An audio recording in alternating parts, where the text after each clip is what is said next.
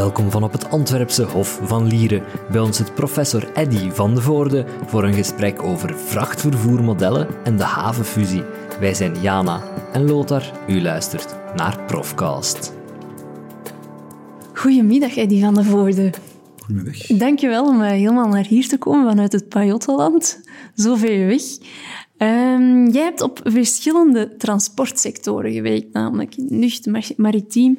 Waarom kon jij niet kiezen?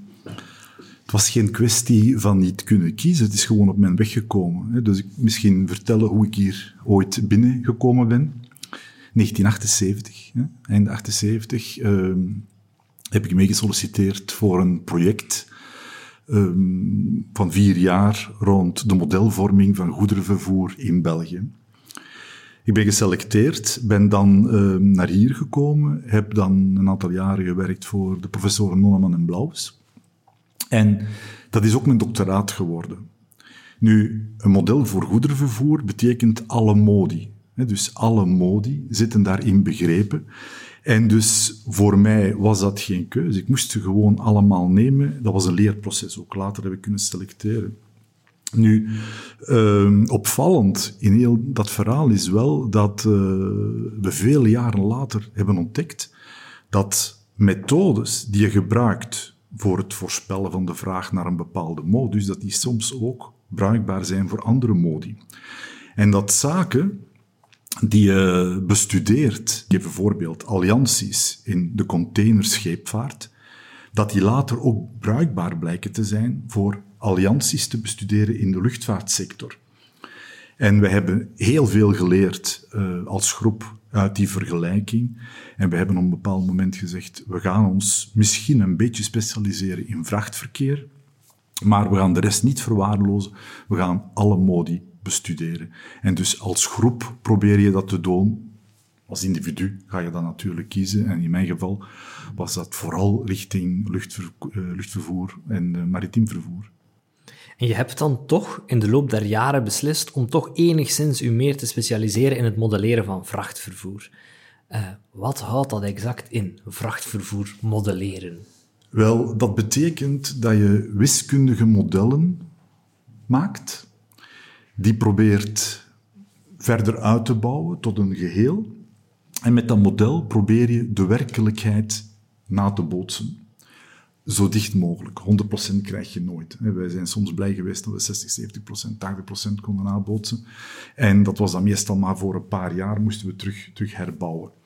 Wat doe je met die modellen? Uh, je kunt daar verschillende zaken mee doen, maar de meest voorkomende zijn dat je probeert uh, coëfficiënten te schatten. Dan spreek je meestal over econometrie, hè? dus uh, econometrische modellen. Probeer je coëfficiënten te schatten die economisch interpreteerbaar zijn. Ik denk de prijs, elasticiteit.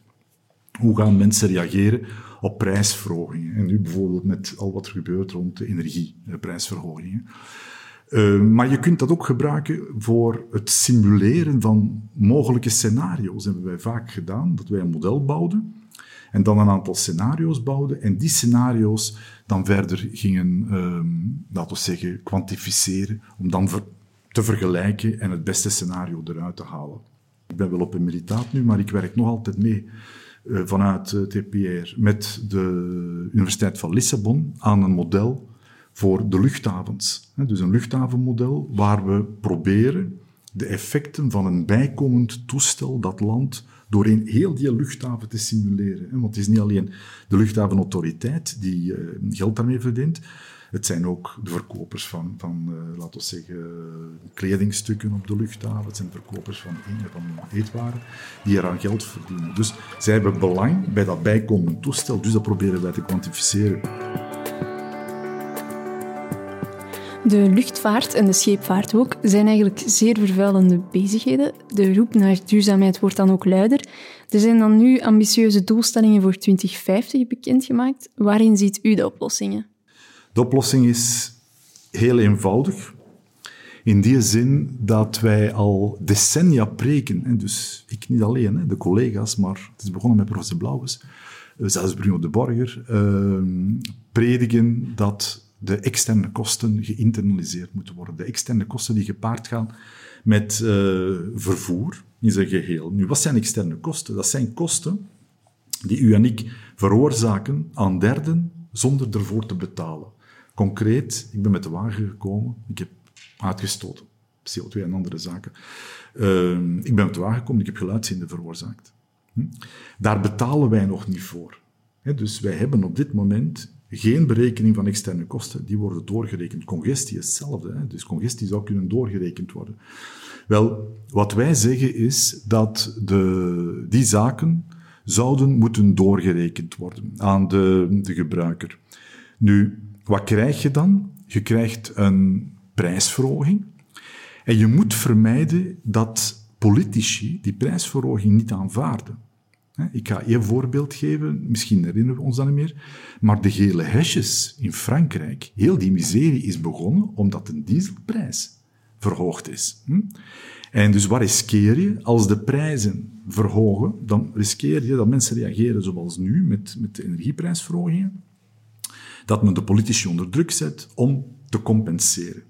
En dat is natuurlijk niet de bedoeling. De bedoeling is dat het vervoer geconfronteerd wordt met de echte prijs. We hebben ooit een boek uitgegeven over de juiste prijs. Dat was de prijs die we nu betalen, plus de externe kosten. Dat is decennia geleden, maar politici nemen dat nog niet over. Wat is daar nu het grote voordeel van? Het grote voordeel is dat op het ogenblik dat een luchtvaartmaatschappij of een oceaancarrier geconfronteerd wordt met hogere kosten omwille van die externe effecten, wie dat ook is, zij of wij, dan gaan we zoeken naar manieren om die externe kosten te verlagen. Dan gaan wij zoeken naar, in het geval van luchtvervoer, zuiniger motoren. En men is daar, geloof me, continu mee bezig. Als ik zie wat men bij, bij Whitney Pratt en zo doet, men, men, al die motorenbouwers, daar is men echt continu aan het zoeken naar uh, zuiniger motoren, geluidsarmere motoren. En het is niet, niet, niet, ver van ons bed op dit moment. Gisteren heeft Willy Walsh, Willy Walsh is de vroegere baas van uh, British Airways, maar is nu de baas van uh, IATA, dus de overkoepelende organisatie van luchtvaartmaatschappijen, die heeft aangekondigd dat in 2050 de luchtvaartsector in zijn totaliteit CO2-neutraal zal zijn. Daar kun je aan twijfelen. Ik twijfel daar niet aan, want het argument dat men gebruikt om te zeggen van ja, dat gaat niet kunnen omdat toestellen 20, 30 jaar meegaan, wel, die toestellen die in 30 gelanceerd worden, die zullen geen 20 jaar meegaan. Er worden nu ook schepen uit de vaart genomen die te veel NOx en, en, CO2 en zo produceren. En dus die worden na 15, 20 jaar uit de vaart genomen, omdat ze niet meer voldoen aan de normen van bepaalde havens, bepaalde landen. Dus wees ervan overtuigd. Je hebt gelijk. Hè, dus duurzaamheid is cruciaal, maar men gaat uh, heel die zaak serieus aanpakken. En ik denk 2050 dat dat een, een duidelijk, maar al haalbaar richtjaar is. En u schreef dan een boek over de eerlijke, correcte prijs. Als we nu eens een voorbeeld nemen, wat vindt u de correcte prijs voor een vlucht van Brussels Airport naar Barcelona? Wat, wat zou voor u... Wat het zeker niet is, is 20 euro hè, die nu betaald wordt. En natuurlijk, dat is een, een fabeltje. Hè. Dat zijn een paar tickets van 20 euro elke vlucht. Ga de maatschappij niet noemen. Maar de gemiddelde opbrengst per zetelkilometer, wij noemen dat de yield, die is, ik zal het wel noemen nu, bij Ryanair is die even duur, even groot als bij Brussels Airlines. Hm? Alleen zijn mikken, in die zin, dus het vliegtuig van Ryanair geraakt vol. Als je op dat moment een ticket wil en je wil per se dat ticket, dan betaal je 300, 400 boxen. Maar ik heb in het verleden al een paar keren de, de opmerking gemaakt, ook in de pers. Hou er rekening mee dat als de correcte prijs wordt doorgerekend, dat vervoer niet 10% of 20% gaat duurder worden, maar vele malen duurder. Dus dat is maal 2, maal 3, maal 4. Daar zei men van, ja, professor, ben je daar zeker van? Nu, je moet niet ver kijken. Hè. Je al gezien wat er gebeurt op dit moment? En dan zit, zit de congestie. Congestie zit er een beetje bij. Maar de externe kost is nog niet doorgerekend van een container die van China naar Europa komt. Die kostte 1500 box een paar jaar geleden. Die kost nu 13.000, 14.000. Diezelfde container. Daar zitten we met een factor maal 10. Hè? Hoe komt dat? Iedereen begint na COVID opnieuw naar containers te zoeken. Er is een gebrek aan containers. Die boxen worden niet goed bijgemaakt. Er is een onevenwicht internationaal in die zin dat containervervoer kan maar goed werken als er stromen zijn in beide richtingen die ongeveer in evenwicht zijn. En even ongeveer is voor mij, dat mag 10% verschil zijn. Mag geen 80% verschil zijn. De haven van Antwerpen en die van Zeebrugge die gaan binnenkort fuseren.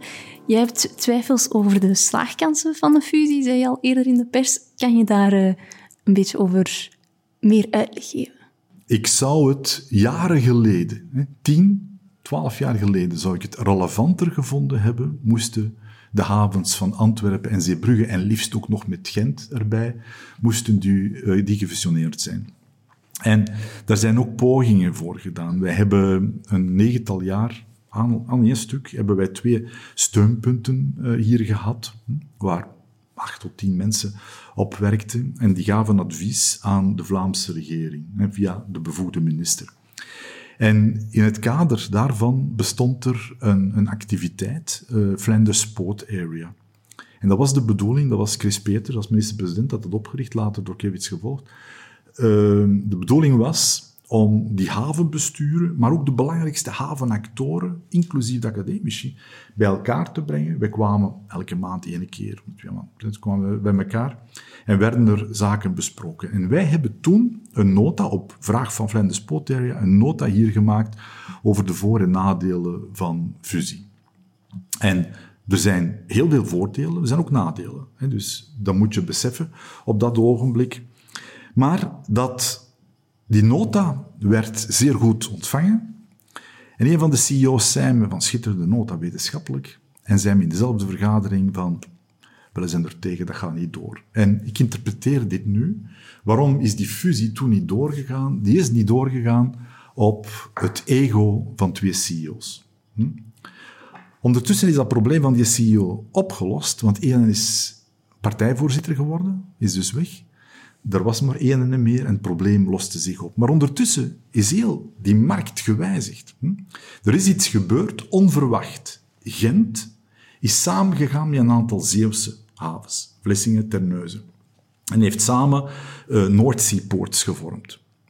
Nu, Ports, dat is een stuk Holland, dat is een stuk Vlaanderen. Dat betekende al een probleem voor de Vlaamse havencommissie die op dat moment bestond. En op dat ogenblik dat Gent weg is, zijn de twee anderen in mekaars armen gedreven. En is er, zijn er gesprekken uh, gekomen over de, de fusie. Nu, ik heb, en daarop alludeert u waarschijnlijk, ik heb op een bepaald moment gezegd, sarcastisch, misschien te sarcastisch, van ik zie grote voordelen van de fusie, want je hebt nu twee CEO's en je hebt er dan maar één meer nodig, je kunt die een buiten gooien. Hm? De toon was misschien niet de, niet de beste, maar ik denk de fusie, um, daar zitten voordelen in, maar de fusie komt te laat. En men heeft tien tot twaalf jaren verloren laten gaan, gewoon omdat uh, ja, de belangen niet samenvloeiden. En ik blijf dat jammer vinden. Dus vandaar mijn uithalen in de pers. Nu natuurlijk gaat die fusie lukken. Wel, ik heb toen ook tegen die journalist gezegd, uh, in de hoop dat ik gezond blijf en nog leef, uh, ga ik dat succes proberen te meten hè, binnen tien jaar. En dat is heel makkelijk te meten. Levert de gefusioneerde entiteit meer op dan de totaliteit van die twee havens, mochten ze alleen blijven doorgaan zijn. En dat kun je perfect simuleren. Hè. Daar kun je modellen op loslaten. Met verschillende scenario's kun je dat berekenen. Maar dus, uh, ik denk zelf of, of de collega's zullen doen, van de CEO nog te confronteren met het finale resultaat.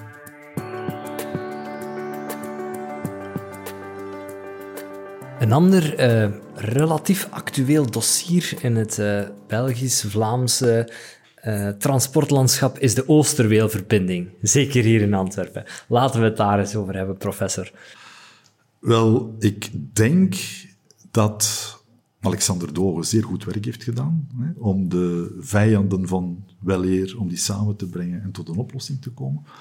Maar het is een dure oplossing En je betaalt een prijs daarvoor. En ik denk ook dat het geen definitieve oplossing is, want je moet rekening houden, dat duurt nog een tijd, eer dat uh, Oosterweel klaar zal zijn.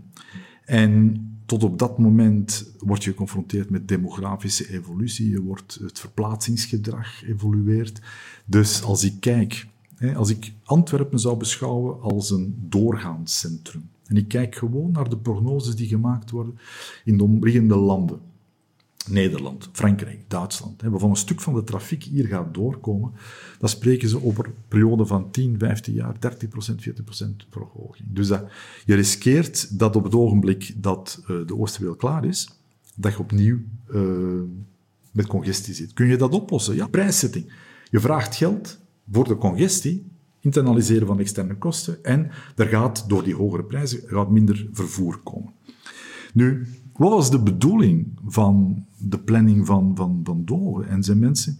Was om een stuk van de hinder te capteren, binnen te pakken. De geluidshinder, hè, begint overkappen, heel de, de Oosterweel. Minder geluid, de uitstoot samen afzuigen. Hè, dus dat zou op een bepaald punt komen. Dus men zou proberen een aantal van die externe effecten weg te nemen. Alleen, daar hebben wij hier altijd vragen over gehad. Uh, het is toch de bedoeling dat wij binnen een beperkt aantal jaren allemaal elektrisch rijden hm, of op waterstof. En dan is er geen uitstoot meer. En dan is er geen geluidshinder meer. Dus dan kunt u de vraag stellen, is die overkapping dan nodig? Nu, diegenen waar ik mee gesproken heb, die blijven beweren dat die overkapping nodig is. Alleen worden ze heel ambetant op het moment dat ik zeg van, ik heb de indruk dat dat een real estate project is en geen vervoerproject. Dus dat die overkapping heel interessant wordt om daar zaken mee te doen. Want elke vierkante meter grond in Antwerpen is heel duur. Niet alleen in Antwerpen, maar ik bedoel, waar het schaars is, en Antwerpen heeft schaarsheid op dat gebied. Ehm, en ik heb een laatste punt. Ehm, je werkt natuurlijk, en dat is met elk model, met elke prognose, je werkt in een onzekere omgeving. Hè. Er is een groot stuk onzekerheid. Ehm, ik heb altijd gezegd van, let op, wie weet waar Antwerpen of hoe Antwerpen er binnen 10, 20 jaar economisch gaat, uitzien. Hm? Niets is voor eeuwig. Dus uh, misschien zijn bepaalde sectoren niet meer hier. En ik geef vaak het voorbeeld, eh, onze decaan zal het tegenspreken, maar de diamantsector die er nu is, wat overgebleven is, dat is niet meer de diamantsector relatief gezien wat die we vroeger hadden, qua grootte. Dus je zit elk jaar, elke dag zit je met de onzekerheid, gaat die een diamantsector niet wegtrekken. Maar hetzelfde kun je afvragen over de chemische sector. Hm? Wij hebben nu wat schandalen, hè, eh, en, en terecht opgemerkte schandalen, maar dat zou een grote impact kunnen hebben op de chemische sector. Dus men onderschat het belang van de chemische cluster hier in Antwerpen. Wij zijn de tweede grootste cluster op het vlak van chemie in de wereld, na Houston. Maar wij controleren die cluster niet. In die zin dat een aantal van die bedrijven, dat is buitenlands kapitaal. Bayer, BASF, Monsanto, Amerikaans. Dus als er iets gebeurt wat die sector niet pleest, dan riskeer je dat die sector verdwijnt. Dan heb je onmiddellijk een zwaar effect op je doorgaand en bestemmend verkeer. En dan ga je helemaal anders praten over, over de vervoerssector en over Antwerpen. Ik zeg niet dat dat gaat gebeuren. Ik vraag alleen, hou rekening met mogelijke scenario's in de toekomst. En uh, ik zou niet graag hebben dat we de volgende 10, 20 jaar met de Vlaamse begroting zwaar moeten afbetalen voor een project dat op dat moment niet meer even relevant blijkt te zijn. We lazen in de krant ook een tekort aan vrachtwagenchauffeurs. Waarom is dat? Daar zijn verschillende oorzaken voor, maar dan moet ik teruggaan in de tijd. We gaan mee. Er is een periode geweest, en ik denk dan, ja, dat zal ook de eind jaren 70, jaren 80, dat het beroep van vrachtwagenchauffeur, dat was ongelooflijk geliefd en daar zat een hype rond. En misschien hebben jullie die liedjes ook gehoord, hè, met de vlam in de pijp. Dat is zo'n een, een liedje uit die periode, waar het beroep van vrachtwagenchauffeur gewoon werd opgehemeld. En dat kwam in de top 10. Hè. Dus dat was niet dat dat een, een, marginaal zaak was.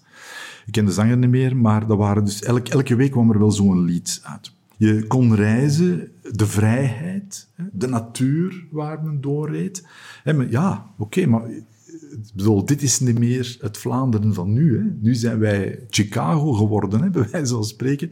Toen was dat nog veel meer landerijen en dat soort zaken. En ik herinner mij dat uh, het bedrijf waar mijn vader werkte, uh, dat daar chauffeurs morgens vertrokken naar Luxemburg. En dat was een korte koers, noemden ze dat. Die moesten om vier uur vertrekken. Die kwamen toe rond zes, zeven uur s'avonds. Maar die kwamen uitgelaten toe, hè, want die waren natuurlijk langs de kant een pint gaan drinken. Die werden ook niet gecontroleerd. Hè. Dus zo die tachografen en al die systemen die checken hoeveel minuten dat je een sanitaire stop hebt gedaan. Dus dat, dat bestond niet. Dus de vrijheid. Maar ondertussen is uh, dat imago totaal gewijzigd. Hè. Ik bedoel, de chauffeurs die richting Calais uh, moeten rijden, die durven bepaalde parkings niet oprijden, die durven uit hun camion niet komen. Ik bedoel, dat imago is totaal, totaal gewijzigd. Um, er is dan ook omwille van de loonkost, en dat is in feite door de opschaling van Europa gekomen, is men richting ja, outsourcing van de chauffeurs gaan kijken. En men is beginnen filialen op te zetten in uh, Polen, in Roemenië, in Bulgarije, zelfs Belarus uh, zat men bij. Nu is er wel een probleem, maar uh, Oekraïne. En je hebt dat gemerkt. Hè. Vroeger had je, laten we zeggen, groot, grote orde, 50% van de vrachtwagens, de grote vrachtwagens, hè, 40 ton, uh, waren België, 30, 40% was Nederland en nog een paar Luxemburgers en, en, en andere bij, Fransen bij. Nu, ik doe dat soms als ik langs de E17 naar huis rijd, de vrachtwagens stellen. En eh, moet een paar kolommen naast elkaar, ik doe niet met, ik hou dat bij. Gewoon het aantal vrachtwagens, het aantal Belgen, het aantal Oost-Europeanen. België en Nederlanders samen, dan het aantal Oost-Europeanen. Ik denk 70, 80 procent. En zeker als je in, in, een, in een spitsperiode zit. Dus uh, dat betekent dat men nu aan het zeuren is. Hè, dus die Belgische bedrijven die zeggen we hebben te weinig chauffeurs. Die hebben problemen met hun eigen filialen, want die Poolse chauffeurs die willen niet zo graag meer naar hier komen, want die kunnen in Polen ook veel geld verdienen. En dan zijn ze elke avond thuis hebben ze minder kosten te maken. Hetzelfde voor die anderen. Dus je krijgt een, een, een probleem dat je zelf hebt gecreëerd. Nu, er is nog iets anders. Ik heb het vorige week tegen journalisten ook verteld. En uh, die wisten dat ook niet meer. Weet u dat er vroeger... Ik moet anders vertellen. Ik heb nog mijn militiedienst moeten doen. En het zal u niet verbazen, ik heb die gedaan in Peuty in het 72e transportbataljon. En dat was de 702e compagnie. Ik moest me bezighouden met het allokeren van vrachtwagens en chauffeurs en zo. Meer dan de helft van de chauffeurs waren miliciëns. Dat waren gasten die op 17, 18, 19 jaar naar het leger waren gegaan. Ik was 25, ik was te oud. Maar die gingen naar het leger en die werden daar toevallig aan zo'n transportbataljon toegevoegd. En het eerste wat die moesten doen, dat was leren rijden met de camion. En die haalden daar hun vergunning en die vergunning werd erkend. Dus die gasten kwamen uit het leger en die werden binnengehaald bij bedrijven als chauffeur. Dat zijn wij kwijt. Wij hebben geen miliciëns meer. En dus we hebben ook veel minder transport in, in het leger dan vroeger. Dus dat is ook een instroom die... Uh, gaat men daar niks aan doen? Ja. Men is nu, de, de minister is nu bezig met opleidingsinitiatieven te nemen. Er zijn er nu, denk ik, tussen de 1000 en 1500 in opleiding. Maar dat is een proces van lange duur. Dus eh, als je ziet hoeveel dat Boris Johnson er nodig heeft, en dat is een onderschatting, hè. zijn er geen tien, dat zijn er meer. Dus, en je gaat een vergelijkbaar probleem krijgen in deze kant van Europa, maar kleinschaliger. Oké, professor Van de Voorde, heel erg bedankt voor dit gesprek. Je moet terug naar Diegem nu? Nee, nee, nee. Je moet terug naar Sint-Catharina-Londen. Dat is nog verder. En hoe je gaan? Met de boot? Met eh, het vliegtuig? De Zeppelin. Dit was Profcast met Eddy van de Voorde. Bedankt voor het luisteren. Wil je meer horen? Surf dan zeker naar uantwerpen.be-profcast.